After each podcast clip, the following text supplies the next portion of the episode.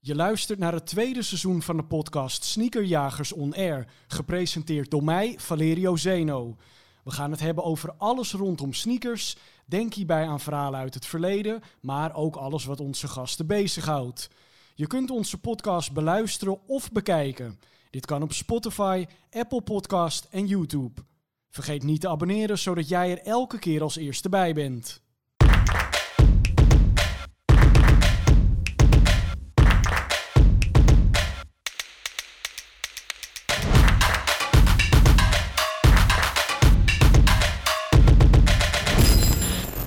Dit is toch helemaal uh, geweldig, mensen. We zitten met de Sneakerjagers On Air op een volledig nieuwe locatie. Vanuit uh, Baskets in de Jordaan zijn we hier met een nieuwe aflevering. Nieuwe gasten natuurlijk.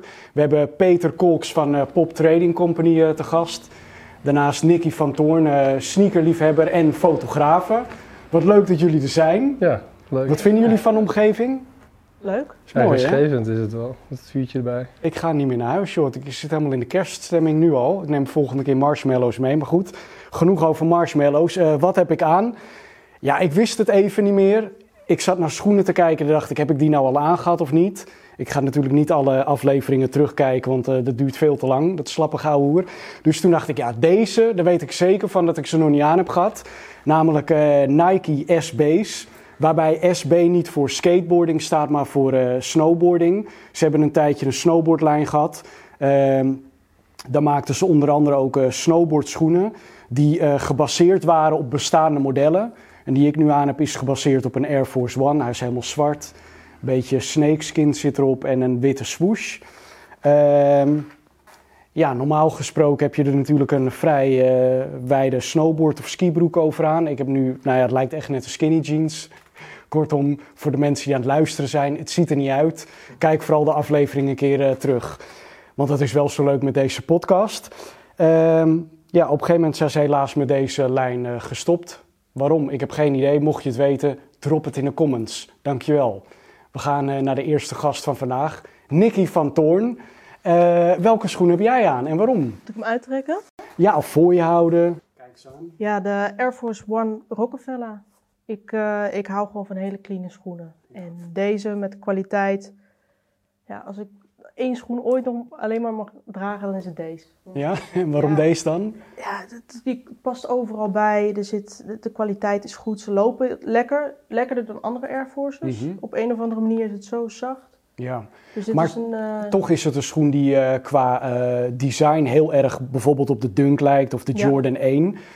Als we deze drie op een rijtje zetten, waarom kies jij dan van deze drie voor de Air Force One? Ik zeg je eerlijk, ik heb nog nooit een Dunk of een Air, uh, Air Jordan 1 gehad. Nee, echt niet? Nee. En waarom niet dan? Geen idee.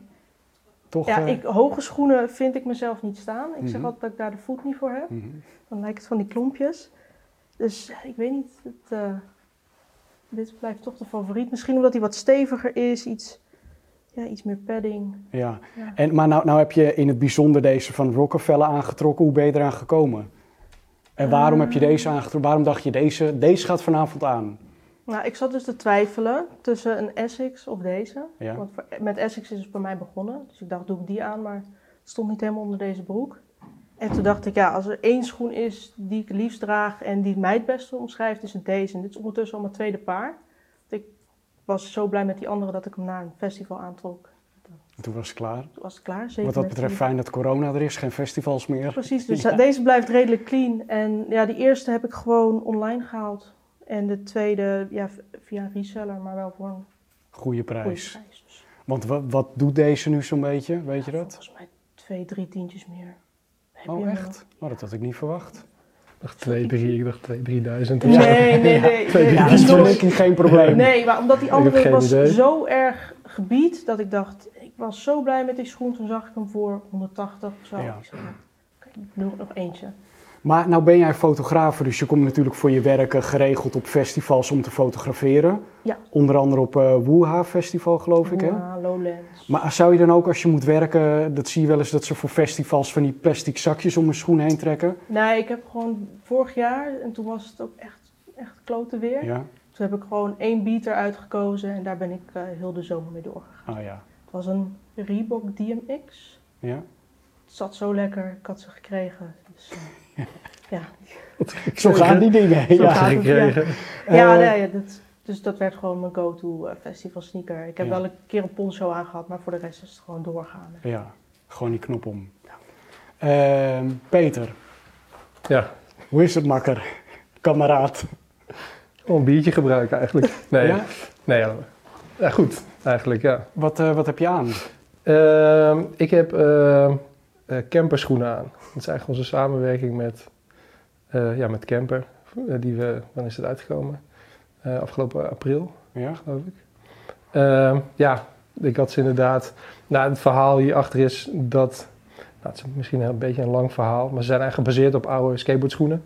Eh, Action, de Action Aries. Dus vroeger had je een aantal merken, natuurlijk DC, wat iedereen kent denk ik. Mhm. DVS, dat, is ook, dat bestaat nog steeds wel, maar alleen volgens mij een beetje in Amerika en, en Azië. En Action is eigenlijk, ja, dat bestaat, het is nu net weer gerevived eigenlijk. Dus ik heb echt eh, twee, drie weken geleden een soort van heel oud model wat ze hebben teruggebracht gekocht. Nou, dat is best wel, voor de meeste kijkers denk ik, die denken van ja, Ja, ik, zit, ik hang aan je lippen, joh. Ik hoor allemaal nieuwe dingen. ja, precies. En voor mij is er nostalgie, maar het zijn gewoon oude skateboardschoenen. En veel van die oude skateboardschoenen zijn ook echt gebaseerd op oude Jordans, oude... eh, ja, goed, je hebt heel veel... Je hebt de D3 bijvoorbeeld. Ik weet niet... A$AP Rocky heeft die... Van Osiris heeft die laatst met... eh weet ook alweer dat merk Under Armour, geloof ik, teruggebracht. Dat is een exacte kopie van die schoen eigenlijk. Maar goed, wij... In principe was dit zeg maar een beetje onze... Onze soort van... De holy grail, zeg maar, toen de tijd. En ehm, dus dit is eigenlijk het pro-model van een skateboard die heet Mariano. En dit waren eigenlijk de, de eerste kleuren die ze uitbrachten. Dus gewoon eh, deze colorway is eigenlijk de OG colorway van die schoen. En het verhaal is eigenlijk dat wij werden benaderd door Camper, een hele goede vriend van mij die werkt daar. Eigenlijk jongen waar ik mee ben Maar opgegroeid. en campers, zij maken ook skateboardschoenen of kleding? Of... Nee, Camper zit gewoon hier op de Leidse, eh of het is de Leidse straat zitten ze en op eh is het de Heilige Weg geloof ik daar. Maar het is wel een schoenenmerk. Ja, het is een groot schoenenmerk uit Spanje.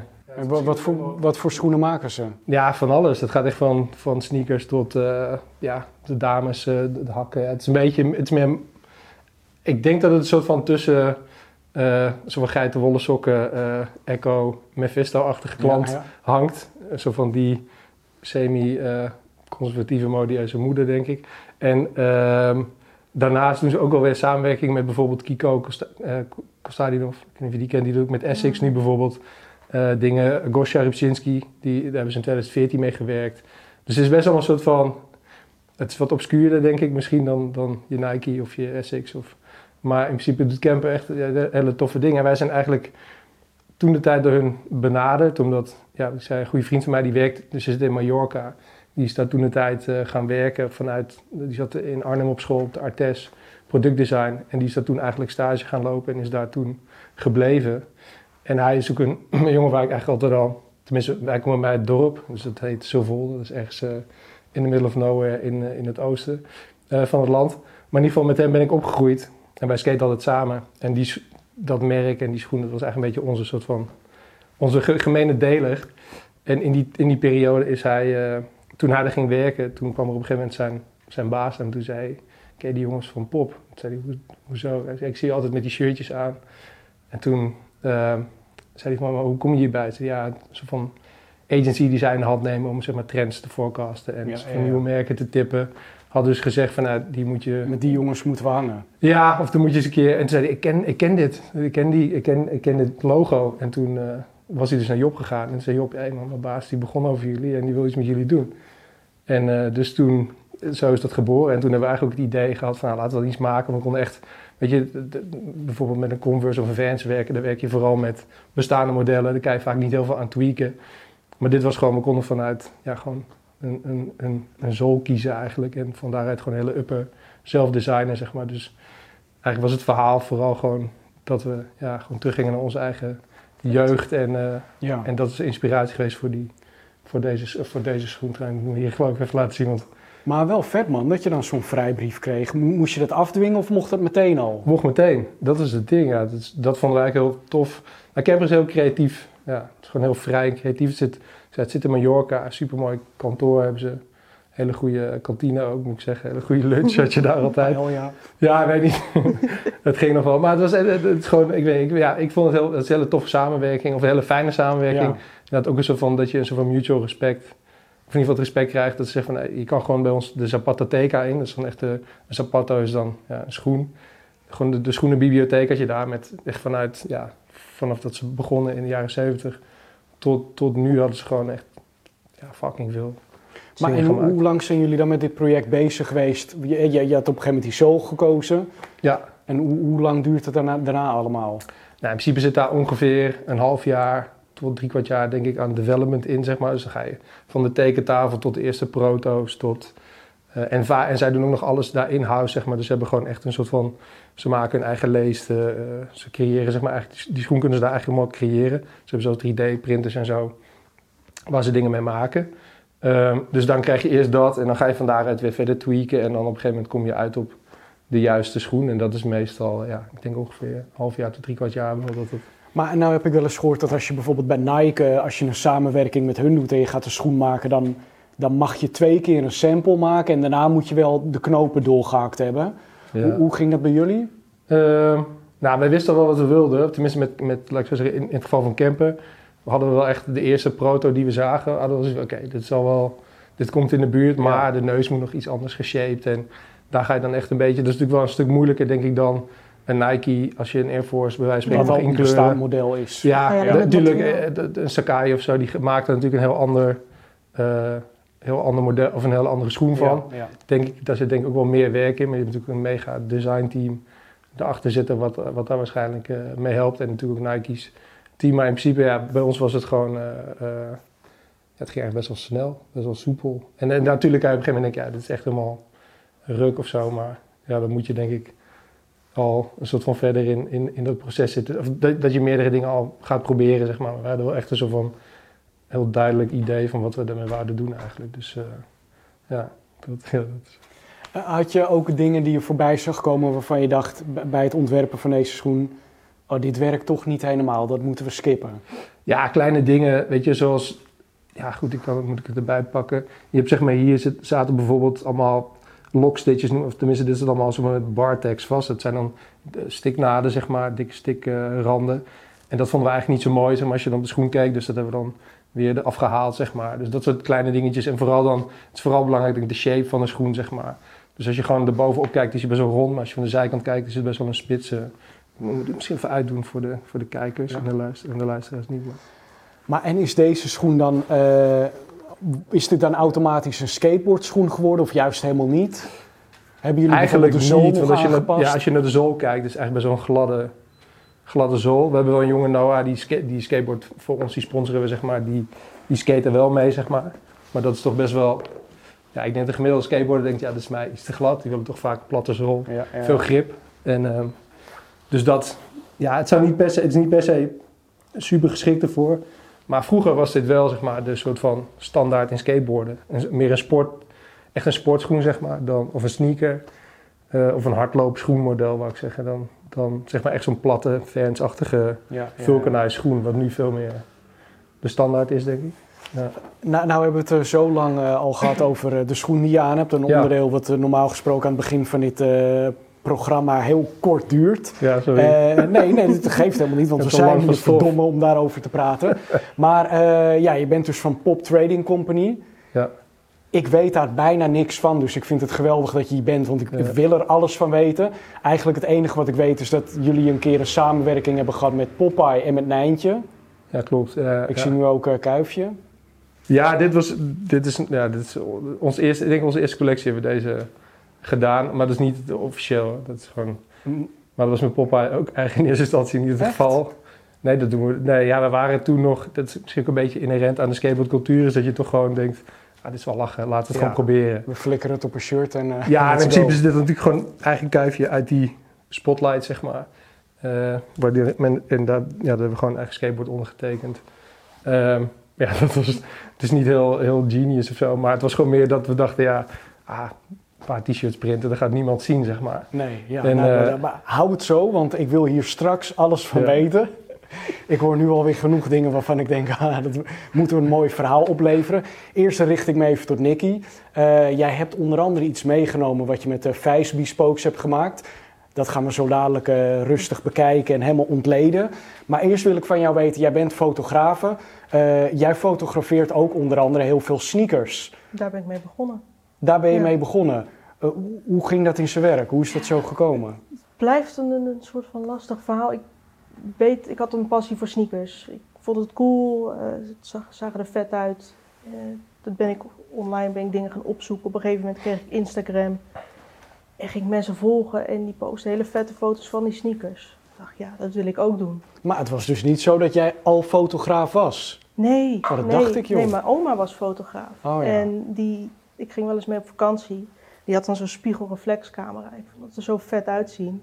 Maar ik mocht er nooit aan zitten, want ik kon het alleen maar kapot maken. Wat het misschien wel nog mooier maakte. Ja, dus het was altijd zo van, oh wat vet. En op een gegeven moment mijn eigen camera gekregen voor mijn verjaardag. Toen zei ik tegen mijn oma, ik, zeg, ik wil zo'n foto van die schoenen maken. Ik heb vandaag even teruggescrolld, het is vier jaar geleden. Toen ging ik met mijn oma mee uh, op pad. Ik had gewoon een paar, paardje Essex was het. En uh, ik zeg, ja die wil ik vet vastleggen. Ze heeft mijn oma me geholpen, ik die schoenen aan. Ik zeg, een beetje zo en een beetje zo. En daar is mee begonnen, dat ben ik gaan posten. En ja, de, rest is uh, geschiedenis. geschiedenis. Ja. Maar je zegt vier jaar, dat is dan ook snel gegaan? Dat is bizar snel gegaan. En, en waardoor denk je dat het uh, komt dat het zo'n vlucht nam? Het, ja, vanuit je passie werken. Ja. Ik heb nooit het, uh, het doel gehad om er mijn werk van te maken. En ik ben nu afgestudeerd en eigenlijk fulltime met mijn eigen passie en hobby bezig. En wat studeerde je dan? Communicatie, multimedia design. Dus ik zou het niemand aanraden. Wat, wat, stel je voor, ik zou dat diploma ook hebben, wat zou ik daarmee kunnen? Ja, volgens mij ben je iets van designer, maar op een beetje technisch vlak. Het, was, dat had mijn interesse niet, maar op een gegeven moment ik moest het nog een jaar afmaken en dat heb ik maar gedaan. Ja, maar al wel met de wetenschap, daar ga ik ja, niet zoveel mee doen. Nee, want op een gegeven moment ging het zo hard met qua klussen en aanvragen en eh, nou, op een gegeven moment na sneakers begon ik ook meer lifestyle te fotograferen. Ik kom met artiesten mee. Ja, eh, of, of een week op Curaçao zitten om daar mijn werk te doen, of een week in de klaslokalen. Ja, dan was mijn keuze snel gemaakt. Ja, wat gek. Ja. maar uh, toen jij die sneakers aan het fotograferen was, hè, wat, wat was er dan zo anders aan jouw foto's waardoor het allemaal opgepikt werd en waardoor je ook klanten uit de sneakerwereld kreeg? Dat is een goeie. Ik weet, ik ben heel clean begonnen, dus ik ik had echt voor mezelf gezegd, ik vind het vet als het heel clean is. Dus veel wit, uh, het moet er allemaal fris uitzien, die schoen moet eruit spatten. Dat is een soort van eis die ik mezelf heb opgesteld. Mhm. En daarnaast, ik ben gewoon na elke foto, eigenlijk elke foto doe ik nog steeds die ik maak, daar ga ik gewoon op reflecteren. Dus oké, wat zou ik hier beter aan doen? De volgende keer, oké, neem ik licht mee, uh, probeer ik dat een keer uit. En dat elke keer elke keer die stappen zetten, zorgt, ja, ik denk dat het voor uh, groei heeft gezorgd. Ja. Ja, en tuurlijk, ik weet ook wel dat als ik een, een Air Max 1 uh, eh, Amsterdam fotografeer, dat die meer likes pakt en eerder op een High Snow die komt dan een ja, wat voor schoenen. Ja, ja. Uh, New Balance. Maar en hoe lang heeft het dan geduurd voordat jij werd benaderd om uh, echt betaald schoenen te fotograferen? Ongeveer? Ja, ik denk dat het na een jaar of twee kwam. Ik werkte eerst gewoon bij de Albert Heijn. Mhm. En op een gegeven moment wilde ik stage gaan lopen vanuit school. Ik dacht, dat kan ik wel combineren. Ik vond school niet zo leuk. Dus ik had wel op een aantal plekken gesolliciteerd, waaronder Sneaker District. En ik zei, ja, sorry, maar ik wil heel graag voor jullie werken, maar ja, school laat het niet toe. Die vindt het te makkelijk als ik maar foto's ga maken. En toen zeiden ze, ja, maar waarom kom je niet part-time bij ons werken? Ik dacht, ja, tuurlijk. Ja. ja ik mag mijn appie baantje op, uh, opzeggen om eigenlijk met mijn hobby bezig te zijn. En dat doe ik nog steeds. En er zijn zoveel meer klanten bijgekomen. En, ja. Dus, dus, dus ik, ja, ik had het nooit verwacht dat het, het is eigenlijk een soort van droom geworden. Ja. Ja, voor je het weet. Ja, maar hoe te gek. Er zijn ongetwijfeld ontzettend veel mensen aan het kijken die denken... ja, eh, ik uh, fotografeer ook wel eens mijn schoenen voor Instagram. Ja zij willen natuurlijk weten van een professional. Wat, wat zijn nou de dingen waar ze op moeten letten als ze schoenen fotograferen? Ja, let, let op je, je angle, dus de hoek waar, vanuit waar je fotografeert. Ja. Dat is echt uh, soms, ja, dat is allemaal zo leunen, maar zorg dat je laag blijft. Dus dat, dat je mooi vanaf de grond kijkt. Zorg ook dat je achterste voet te zien is. Ja. Soms lijkt je net een flamingo erdoor. Oh ja. Dat, eh, het kan, in, in sommige gevallen is het heel mooi. Bijvoorbeeld bij Jamie van Heijen, die post natuurlijk alleen maar zulke Ja, foto's. Maar om een Maar product precies, dat is wel echt Ja. een stijl van één kant zo. een beetje diep te creëren. En ja, ik, kan, eh, ik- ik zou het blind kunnen eigenlijk. Ja, Ja, goed hoor. een beetje autistisch soms hoor. Ja, dat geeft niks. Maar eh, ehm, op een gegeven moment ben jij ook... eh, ja, zag ik opeens dat je allemaal concertfotografie deed en op festivals. Hoe is dat dan zo gekomen? Want ik zie echt, we zien nu een aantal foto's voorbij komen die jij gemaakt hebt. Het is echt super vet. Maar hoe is dat, is dat ook, denk je, automatisch door het fotograferen van schoenen gekomen? Omdat je al in die urban hoek zat? Ja, dat wel. Dus het is wel, ja, hip-hop, het is één wereld. Dus je hebt streetwear, je hebt nou, hip-hop, rap. En ik heb er altijd al interesse voor gehad. En op een gegeven moment vanuit de sneakers kwam wat streetwear. Dus toen kwamen ook portretten erbij kijken. Ja. Eh, s- toen dacht ik, ja, het is ook super vet. En ja, als, zeker als je jong bent, het is gewoon super cool om een artiest vast te leggen. Ja. En op een gegeven moment zag ik dat mensen tijdens bijvoorbeeld clipshoots bij Top Notch eh, dat ook deden. dacht ik, ja, maar dat wil ik ook. Dat kan ik, dus waarom? Ja, dat heeft me best wel wat, eh, wat tijd gekost om daar de juiste mensen in te benaderen. En op een gegeven moment kreeg ik die kans. Dat heeft ook een tijd weer heel stil gelegen. Toen mocht ik af en toe bij een, een videoclip wat foto's maken. Ja, verdiende helemaal niks mee, maar het was zo vet. Dat ik dacht, ja, ik kan die artiest in zijn, met zijn emotie vastleggen. En toen was mijn volgende doel om dat eh, voor festivals te doen. Maar ja, het is zo lastig om daar binnen te komen zonder portfolio. Maar in mijn achterhoofd wist ik, ja, dit kan ik. Dus het ja.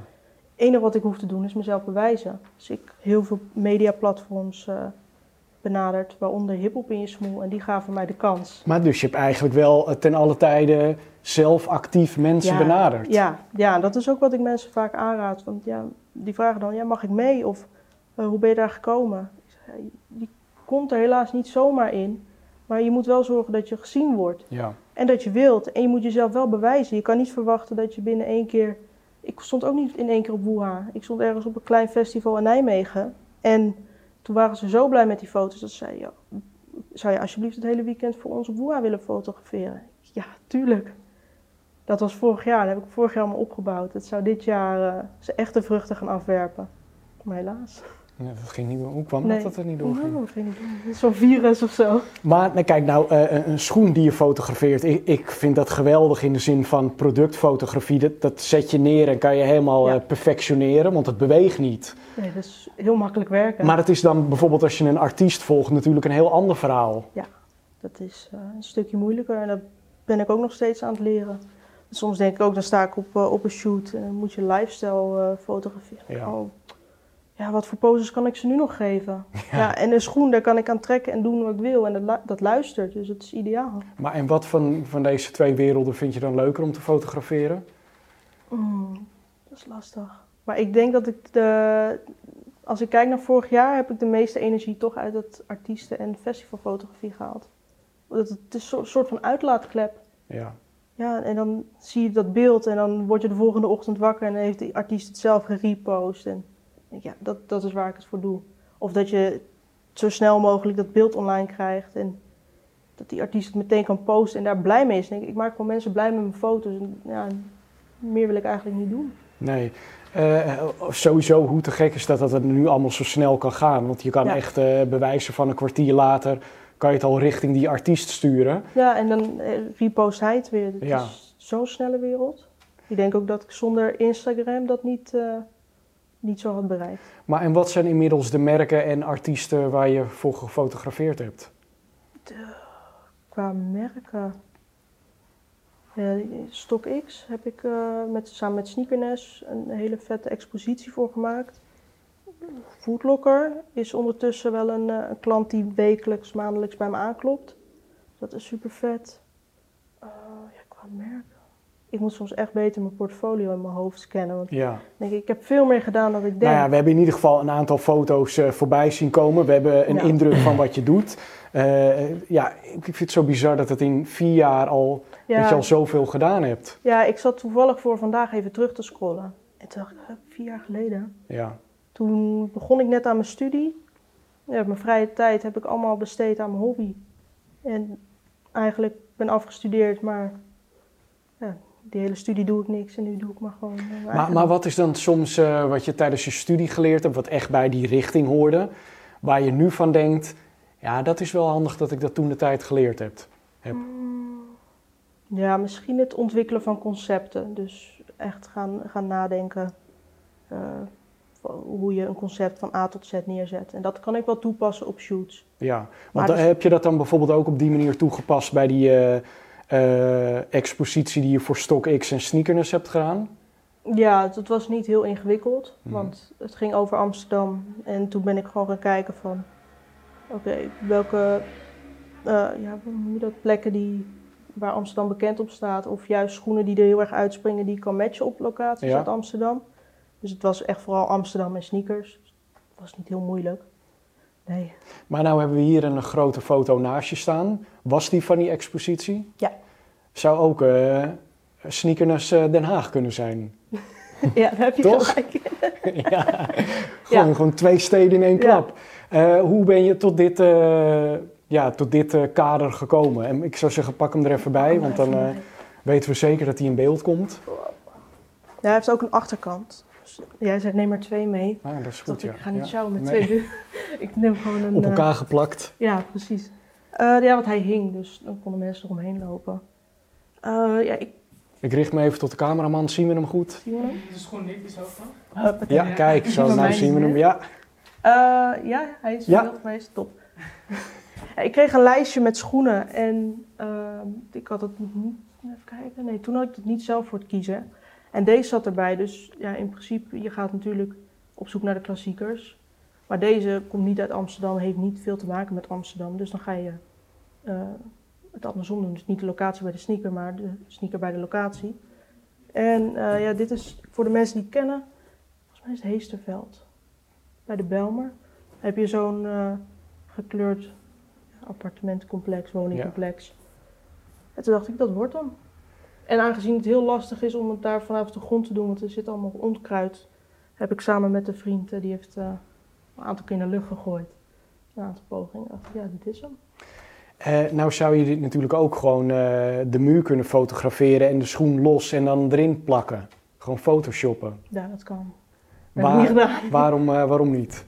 Eh, Nee, zo goed ben ik niet in Photoshop. Oh. Nee, en dan ga ik mezelf voor de gek houden. Ik dacht dat je zou zeggen, ja nee, want ik vind dat het echt moet zijn. En, eh, Nee, ja, nee, dat- ja, ja, dat maakt niet per se nee, je uit. maakt jezelf, houdt jezelf wel voor de gek als je dat... Ja, En zo ben ik dan ook weer niet. nee. Nou, dat is Nee. wel een eerlijk antwoord. Ja, en we hebben dan nog... De Laat de andere kant nog even zien. Ja, als we daar toch mee bezig zijn. Maar dan moet je eh, over die andere kant gesproken met geel en groen. Hoe, hoe kom je dan op die locaties? Ken je die al? Ga je rondrijden? Hoe werkt dat? Soms ken ik het al, soms ga ik, eh, zit ik avondenlang in Google Maps. Dus ga ik gewoon Google Maps door in de live view om daar eh, naar locaties te zoeken. Ja. En deze kende ik toevallig al. En hetzelfde met deze. Dit is eh, de RAI, dus Ja. de parkeergarage van Oh de ja, RAI. nou zie ik het, ja. Maar dan s s'nachts. En dan gaan die blauwe lichten aan. Ja, En van het had- stuk waar je zo met de auto cirkelend omhoog of ja. vandaag rijdt. Ja, ik heb hem ondertussen al een aantal keren gefotografeerd. Maar dit was de eerste keer. Ik heb deze schoen als eh, Dunk, de Space Jam. Oh, ja. Maar ik weet eigenlijk niet, heet deze Jordan, heeft hij dan ook als bijnaam Space Jam? Ik, heb Ja, geen, ik ben jawel. niet zo'n Jordan. Ja? eh, Ja, volgens mij Nee, ja, Jordan ik dus, 11 eh, zoals je merkt ook niet. Nee, ik ook niet, maar volgens mij zit het Jordan Niemand 11 die- Space Jam. En als we het mis hebben, één schrale troost, dan komen er allemaal haatreacties hieronder. Ah, ze weet helemaal niks. Echt nep, waarom zitten zij daar? Sorry. ja, Ja, Subi. ja. Wij moeten ook nog leren. Eh, maar ehm, bij deze foto had je wel een model nodig. Als je op pad gaat om schoenen te fotograferen, ga je altijd met z'n tweeën. Want bij die andere moest hij hem gooien. Je ja, in dit geval alleen? wel. Ja, het kan ook alleen. Ja. Het is toch wel leuk om het met z'n tweeën te doen. En die hele sneakers-serie heb je dan met z'n tweeën gedaan? Of, eh? Ja, mijn naam staat er wel onder, maar ik heb wel assistentie gehad. Ja. Eh, En jij kreeg al die schoenen van hun voor de foto? Ja. Dus dat hoefde je niet zelf te regelen? nee, nee, ik, nee. Ik En- kreeg gewoon een lijstje en die mocht ik, daar mocht ik wat schoenen uitkiezen. En zat er dan ook een paar schoenen bij waarvan je dacht, eh, ja, hier weet ik niks bij? Mm, moet ik even goed denken. Ja, er zat bijvoorbeeld die, die Nike SB, die Doc. eh, Ja? dat, dat, Ja. Ik weet niet hoe die heet. Volgens mij Walking the Dog of Walking zo? the Dog, iets in, Dogwalker, die, ja. iets in die trant. Ja. Toen dacht ik, ja, wat moet ik hierbij? En uiteindelijk ben ik in het Vondelpark terechtgekomen. Ja, ik wil net zeggen, want ik, ik heb die foto's staan bekijken en dan denk ik, ja, Ja, dus, maar in dat is toch eerste heel simpel? Die... Ja, maar in eerste instantie dacht ik, wat moet ik hiermee? Ja, echt, Ja. Ik dacht, dat is juist bij die zo klaar als een klontje. en waarom dacht je bij deze Jordan niet van, eh, ik roep maar wat. Hè? Kijk, ik eh, ben natuurlijk geen fotograaf. Eh, Jordan, basketbal, oké, dit moet op een basketbalveld. Of is dat Ja, juist te ik makkelijk? had al een, een Air nee, Air Jordan 1 Brad, dus die Brad Band. En die had ik bij Belmar bij is geschoten. Ik dacht band van gebannen, verbannen. Oh ja, ja. Dus ik dacht, en dat hing aan een eh, basketbalveld. Dus ik dacht, ik ga dat niet nog een keer Nee. doen. En in dit geval, het heeft qua thema er niet veel mee te maken, maar wel het blauw wat erin terugkomt. Eigenlijk toch die cirkels die je ook in de zon Oh ja. ziet. Dus dat is een beetje. Ja, wel leuk om te horen dat je er zo goed over na hebt gedacht. Ja, ja, Ja. dat was wel mijn, de- het doel, zeg maar. Ja. Niet Hoe, waren de reacties op je expo? Positief. Ja. Ja, ik eh, was er heel blij mee. Maar ik heb het toen nog een keer gedaan in Rotterdam. Daar was ik zelf minder blij mee. Iedereen zei wel dat het nice was, maar Ja, waarom was je er minder blij mee? dat ik het binnen twee weken moest doen. Dat is verschrikkelijk. Maar vond je het resultaat dan ook daardoor Ja. niet goed genoeg Ja, geworden? gewoon geen tijd om, om daar, daar echt goed over na te denken. Ja. Maar terwijl ik op eh Sneakerness eh, in Amsterdam... Nee, waar, waar zag ik jouw expositie nou in Amsterdam Deze Amsterdam. Ja. Volgens Toen- mij toen- 2009. Ja, ik zag het hangen en toen dacht ik, ja, dit is natuurlijk een gat in de markt. Want alle mensen die hier lopen, die denken, ah, ik wil die in mijn woonkamer of die in mijn slaapkamer, dat vind ik tof. Verkoop je ze ook? Nog niet. Waarom niet? Ja, ik moet er mijn tijd voor nemen. Ja, maar ik dacht echt het. bij Sneakerness, er is een Ja. balie en dan kan iemand zeggen, nou, ik wil foto 3 Dat had zo ik- groot. Ja, dat had ik op dat moment echt moeten doen. En ik, ik dacht ook meteen nadat ik toen was afgestudeerd, oh, ik ga prints maken. Ik heb ook nog een poll gedaan op Insta en iedereen wil het. Ik weet niet, ik ben een beetje laks of zo. Zo, ja, echt zonde. Ja. Daar moet je echt werk van maken. Ga ik doen. Oké. Ik heb huiswerk. Yes. Als, als corona weer achterwege is, dan eh, sta jij er met een balie eh, waar mensen met Uiteraard. Ideal kunnen betalen. Ja, zeker. Maar ik ben ook wel van plan om het online te gaan verkopen. Dus Heel gewoon goed. prints. Als mensen jou willen vinden, waar kan dat trouwens? Instagram, Nicky van Toren. Zo Ja. simpel is Zo het. simpel is het. Ja, Er zal wel een linkje hier ergens. zijn. ja het staat nu, staat nu in beeld. Yes. En het is weer weg. Ah. Zo snel gaat het. De Air Max 1 die jij met Vijs Bespokes hebt gemaakt, daar gaan we het straks over hebben. Ik moet natuurlijk een beetje teasen. Eh, we gaan hem helemaal ontleden hoe dat eh, tot stand is gekomen. Maar ik richt me nu tot eh, Peter die net een glaasje prik inschenkt. nee, geen prik. Eh, jij bent van eh, Pop Trading Company. Ja, Hoe is dat ontstaan? Hoe lang bestaat het al? Ik weet niks. dat is een- dat is een- spreekbeurt gaat nu Dat is in. een probleem, denk ik, als je het nog niet weet. Nee, ehm, ja, waar beginnen we? Pop is eigenlijk, eh, ik doe het samen met een, met een compagnon, een hele goede vriend van mij. En hoe oud ben je? Ik ben 36. Nou, ik Ja. ook. Ja. Ja, Ik niet. nou ja, mooi. Eh, binnenkort 37. Best friends. Ja, precies. Maar goed, eh, nee, ja, we zijn begonnen in 2013 en eigenlijk als distributeur. Dus wij, ik doe het samen met dus een goede vriend van mij, Rick, Rick van Rest. Dus wij zijn samen eigenlijk eh, pop, eh, denk ik. Maar ja, we zijn in 2013 begonnen als distributeur. Dus van een aantal skateboardmerken, onder andere Palace uit Londen. En eh, dat deden we voor de Benelux. En dus dat verkochten we aan winkels en... ehm, Maar ik wist helemaal niet dat Palace ook gewoon in andere winkels lag. eh, Toen de tijd wel, nu niet Nu meer. niet meer, oké. Nee, toen de tijd wel. Dus 2000, ja, wat zijn het, 2011 denk ik of zo zijn we Ja. begonnen, geloof ik. 2012. Nou, ik, in principe, omdat ik zeg maar, ik heb, nou, ja, voordat ik dit deed, zeg maar, werkte ik voor, eh, nou, ik heb bij Friscotte gewerkt dan in een, in een ver verleden, tien jaar, meer dan tien jaar geleden ook al wel, denk ik. En, ehm, maar in die periode dat ik voor andere winkels werkte en andere bedrijven werkte, ging ik ook veel naar beurzen. En had je bread and butter in Berlijn en Barcelona. En daar leerde ik dus een aantal mensen kennen, waaronder de eigenaar van Palace. En wat, wat vond je in die tijd van Palace? Ja, vet. Ja, dat was gewoon, maar toen was het echt nieuw, toen was het niks eigenlijk. Weet je, Ja. wij kregen onze eerste, de eerste order was gewoon een vuilniszak met t-shirts, zeg maar. En eh, dat was Maar gewoon, en wat vond je er destijds zo vet aan? Ja, ik weet niet, het is gewoon meer, zeg maar, die hele... eh, het was gewoon nieuw. Zeg maar. In skateboarden was dit een andere, een andere beweging eigenlijk, zeg maar. Skateboarden is heel erg ja, Amerika en vooral Westkust, California georiënteerd, zeg maar. Ja. En dit was gewoon een ander geluid, zeg maar, uit, dus uit Engeland, zeg maar. Zij filmden met, bijvoorbeeld met VHS, zeg maar, dus met, echt met die VS-stijl. dat was ook eigenlijk heel nieuw, of tenminste, dat was een soort revival. En ehm, het was eigenlijk zo van een veel rauwere eh, benadering En niet alleen maar zo van de allerbeste skateboarders, maar ook vooral veel meer persoonlijkheid in skateboarden. Dus de rijders zeg maar, die, uh, die zij hadden, zeg maar, onder Lucian Clark is dan een jongen, ik weet niet of je die kent, maar Lucian heeft nu bijvoorbeeld een schoen op... Uh, ik ken alleen Anna Lucian. Nee, ja, precies. Die, buiten, buiten de Nederlandse...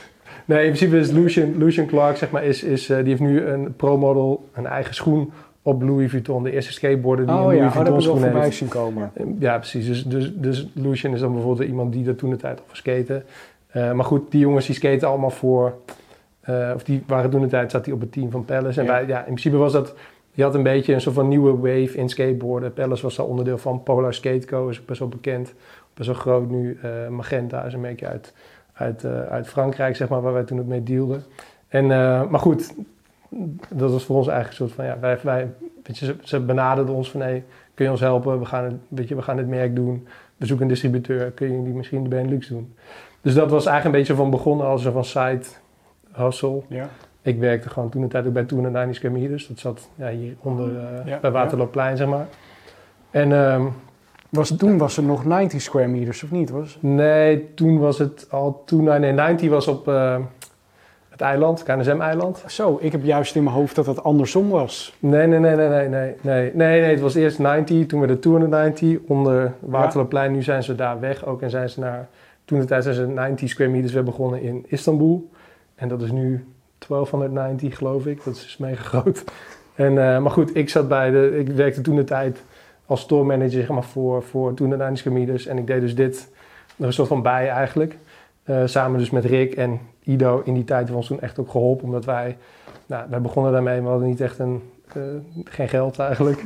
Dus het was meer zo van, we moesten die eerste pre-order, je bestelt het dan, de winkels bestellen dat eigenlijk van tevoren. Dus het gaat een half jaar ongeveer aan vooraf. En dan komt het binnen en dan moet je natuurlijk gewoon je geld ophoesten om Ja. dat te, te, te betalen.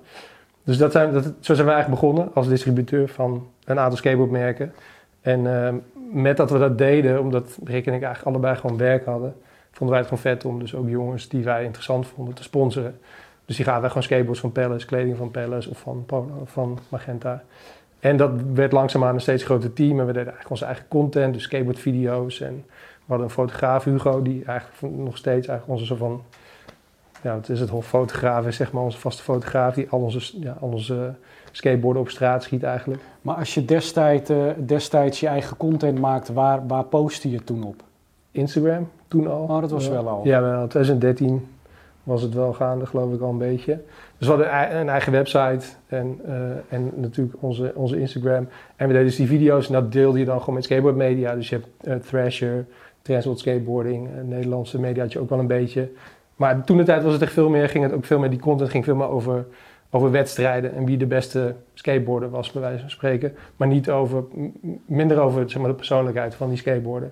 En wij hadden eigenlijk allemaal jongens die niet per se een soort van Nederlands kampioen wilden worden.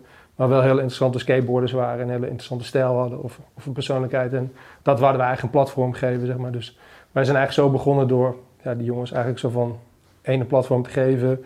Met, ze, met, weet je, met cameramensen te gaan werken die ze konden filmen. En, uh, en eigenlijk is dat een beetje het begin geweest van dat wij een soort van platform hadden en, een, en een, eigenlijk een merk zonder dat we echt iets verkochten wat ons eigen merk was, zeg maar. Dus we, promoten eigenlijk die andere merken.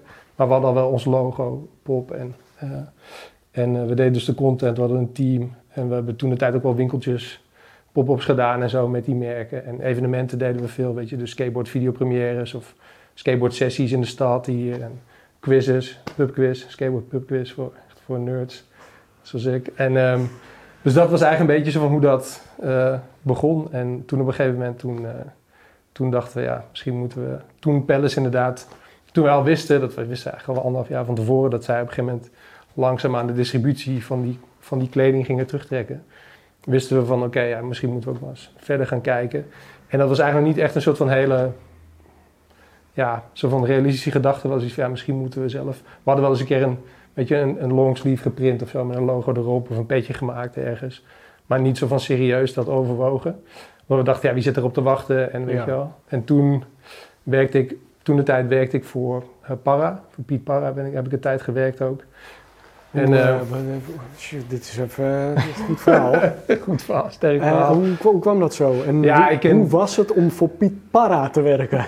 Ja, para. Nee, maar, nee, was, heel, was ja, super tof. Piet, super, ja, super aardige gast. En ik ken hem dus via skateboarden eigenlijk en, en, uh, en Amsterdam. En toen ik eigenlijk, toen we het pop deden, toen, ja, ik zit te denken hoe het allemaal is gelopen. Maar dat, in principe was het echt een, ik, ik werkte voor Tunanisch Camides, dat, dat hield eigenlijk op, zeg maar. Toen hadden op een gegeven moment van dat, ja goed, ze hadden eigenlijk al plannen om, om te gaan sluiten, zeg maar, in Amsterdam en Istanbul alleen te doen.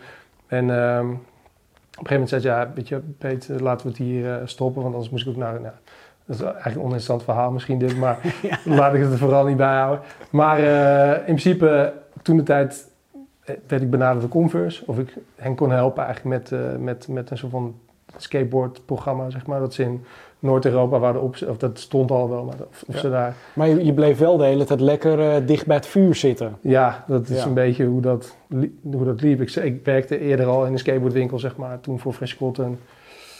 Toen naar, toen naar de Schemides eigenlijk, dus ik zat elke keer al een beetje daarin inderdaad. En ik kende eh, ja, para, zeg maar, ook dan vanuit ja, skateboarden en dus dat werk, zeg maar, wat ik deed. Maar, maar ging dat allemaal een beetje... Ja, per ongeluk is niet het juiste woord. Maar was het ook echt wat je, wat je wilde? Of had je in eerste instantie eigenlijk een ander plan in gedachten... om later als je groot bent te gaan worden? Weet ik niet, ik heb nooit Of echt een dacht je plan bij gehad. Fresh Cotton ja. altijd wel... ik wil in de kleding of ik wil de skateboard zien in? Ja, eigenlijk, nou, ik, zeg maar, het is echt begonnen met dat ik skateboardde. Nee, ik ben begonnen op mijn twaalfde en toen langzaamaan gewoon werd ik gesponsord, zeg maar. Dus dan krijg je spullen van, van, van een winkel en dat was 24-7 in Nijmegen. Ehm, en 24-7, daar gaf ik op een gegeven moment skateboardlessen en werkte ik parttime in de winkel naast mijn studie. En toen, ehm, op een gegeven moment, toen deed ik mijn studie, maar ik was er niet heel gemotiveerd. Ik was leraaropleiding aan het doen ook. Nou, dus de gemiddelde eh twintiger, denk ik, of toen was ik net twintig, denk ik. Wat voor eh, leraar wilde je worden? Engels. Ja.